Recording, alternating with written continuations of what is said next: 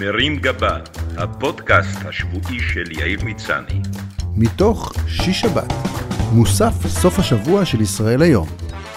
והשבוע, הכוכב הבא. לפני כמה חודשים קיבלתי טלפון מפתיע מחברת הפקה של סדרות טלוויזיה מקומיות. אחרי שעניתי, נשאלתי אם ארצה להופיע בתפקיד של ראש ארגון פשע בעונה השנייה של סדרת הדרמה המדובב.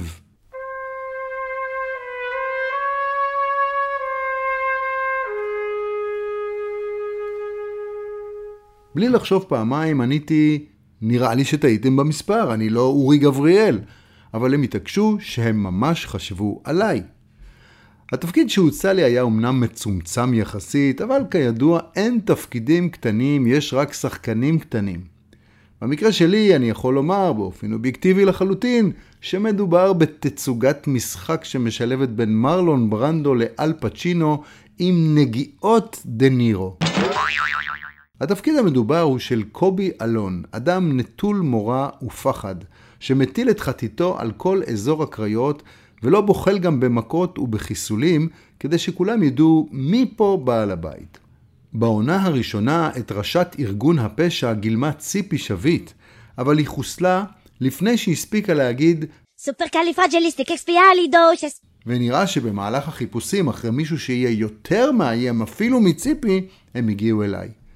מכיוון שבשנים האחרונות אני עסוק באיסוף חוויות, הלכתי לפגישה עם במאי הסדרה אריאל בן בג'י, שבה ניסיתי להבין ממנו מה הם מחפשים בדמות ומה בדיוק גורם לו לחשוב שדווקא אני, מישהו שמבחינתו המשפט לישון עם הדגים, מתייחס ללדפוק שנץ אחרי שהגזמת עם הגיפילטה, מתאים לתפקיד. אריאל הסביר שקובי אלון הוא בעיקר אדם מפחיד מאוד, וכשהתעניין מסביב מי יכול לעשות את התפקיד, נאמר לו שניצני הוא אחד המפחידים בסביבה.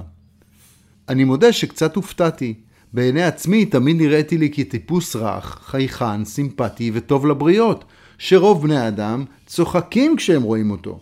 מישהו שחס לא רק על קבצנים חסרי בית בצמתים, אלא גם על חשופיות ותיקנים. אדם שלא מסוגל לפגוע בזבוב או לדרוש פרוטקשן מיתוש.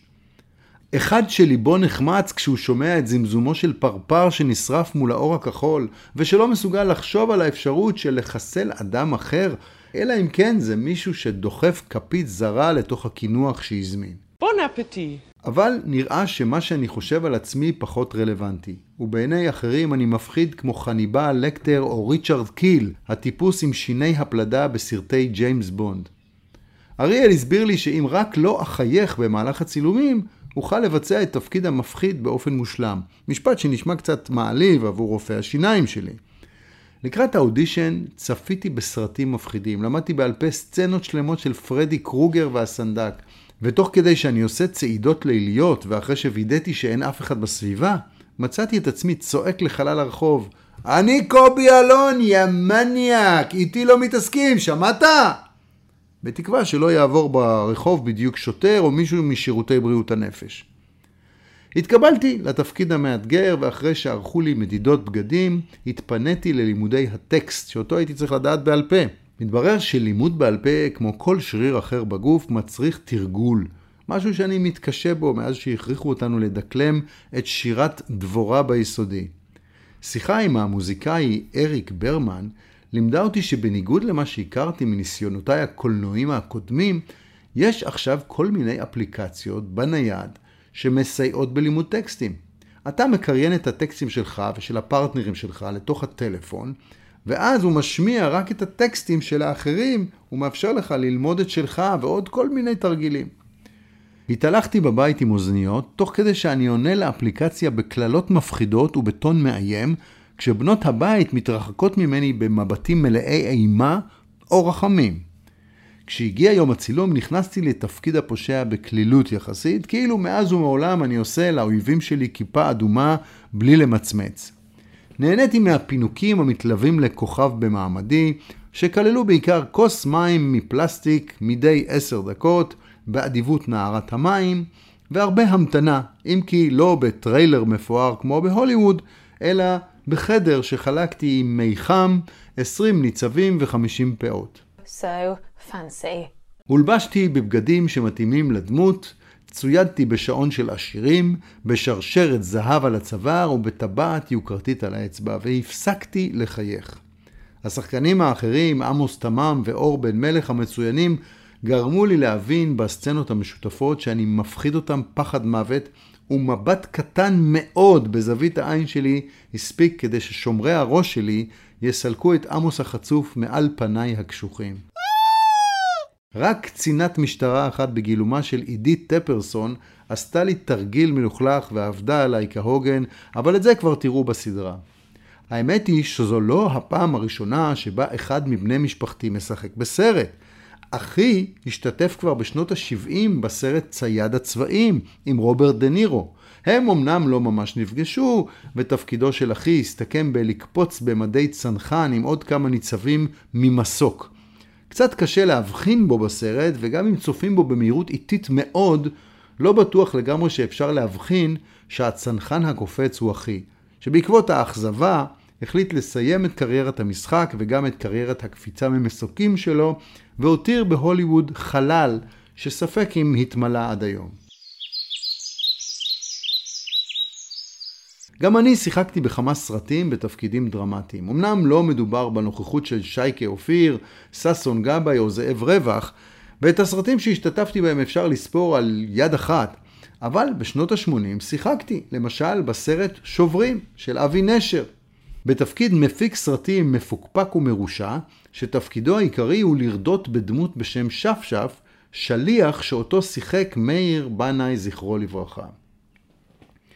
במסגרת התפקיד הוטל עליי לבעוט בישבנו של מאיר ללא רחם, ואחרי עשרה טייקים הוא פנה אליי בנימוס הצנוע שאפיין אותו ושאל אם אני מוכן במטותא לבצע את הבעיטה עם קצת פחות נחישות, כי התנפח לו הישבן. בסופו של דבר, מהסרט הזה נשאר בעיקר השיר של מאיר, מילים שלי, המוכר כשירו של שפשף. אחר כך שיחקתי בסרטם של הגששים, הקרב על הוועד, אבל הפסדתי בקרב מול שחקנים אחרים, והקטע שלי, שאורכו המקורי היה כשלוש שניות, נשאר על רצפת חדר העריכה, אף על פי שהיה מלאכת מחשבת של משחק גאוני. הופעתי גם בסרט המתיחות של יגאל שילון עם צמד הבטלנים, עבודה בעיניים, שם גילמתי ללא תסריט כתוב מראש, מתדלק ערבי בתחנת דלק בהרצליה, שמורח בוץ על השמשה הקדמית של מכוניות של כל מיני ידוענים תמימים, עם פאה ג'ינג'ית מטולטלת. וואט? במזל גדול לא חטפתי מכות. אולי כי גם לנמתחים היה נראה מוזר שלמתדלק יש פאה כל כך מוגזמת. נראה שבמאים רואים בי דמות שלילית ופלילית. קשה לי להבין למה לא מלהקים אותי לתפקיד של מאהב רגיש וטוב לב. כי גם בסרט ג'סטה, שביים קובי מחט לפני כמה שנים, הולבשתי במדי אסיר כאביו הפושע והמאוד לא מתפקד של און רפאלי. אבל אחרי המדובב, אני מרגיש שהכל עומד להשתנות. השטיחים האדומים בהוליווד ובשדרת הכוכבים כבר שומרים לי מקום בין ג'ק ניקלסון לתום קרוז. אחרי פאודה וטהרן, ברור שסדרות ישראליות יכולות לפרוץ אל העולם, ואם ליאו רז הפך לכוכב בינלאומי, למה לא אני? מה יש לו שאין לי, חוץ מהרבה שרירים? נכון שהעבר הקרבי שלי מזכיר יותר את זה של גל גדות, אבל אף אחד לא מושלם. הוליווד אוהבת סדרות ישראליות, נטפליקס צמאה לעוד פרצופים ישראלים, ואני מרגיש שאני בהחלט מתאים להיות החיים טופול או האלון אבוטבול הבאים, מקסימום אגמור בסוף בתור Power Ranger.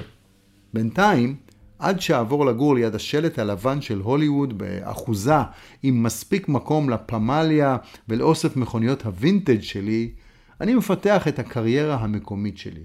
אחרי שלושה ימי צילום בפתח תקווה, בתור טוני סופרנו של קריית מוצקין, חזרתי הביתה שונה. כמו אצל שחקנים טוטאליים, משהו מהדמות של קובי אלון נכנס אליי. וכשהגברת הראשונה אמרה לי, כמו שהיא רגילה, בלי למצמץ, לסדר את המטבח, הפתעתי אותה במבט קשוח, תוך כדי שאני משחק בידיים באקדח דמיוני, שמבהיר שאני כבר לא הסמרטוט שהיא מכירה, ושתחשוב פעמיים על מה שהיא אומרת לי לפני שהיא תקבל ממני הצעה שאי אפשר לסרב לה. גיליתי שלא חייבים לחייך כל כך הרבה, וכשאתה משדר קשיחות, אתה משיג הישגים לא מבוטלים. לכן כשראיתי את המבט המפחיד שהיא החזירה לי, מלמלתי שאני מתנצל, סידרתי במהירות את הבלגן במטבח, וגם שאבתי את השטיח בסלון, שממש לא היה אדום. שבת שלום. מרים גבה, הפודקאסט השבועי של יאיר מצני. מתוך שיש שבת, מוסף סוף השבוע של ישראל היום.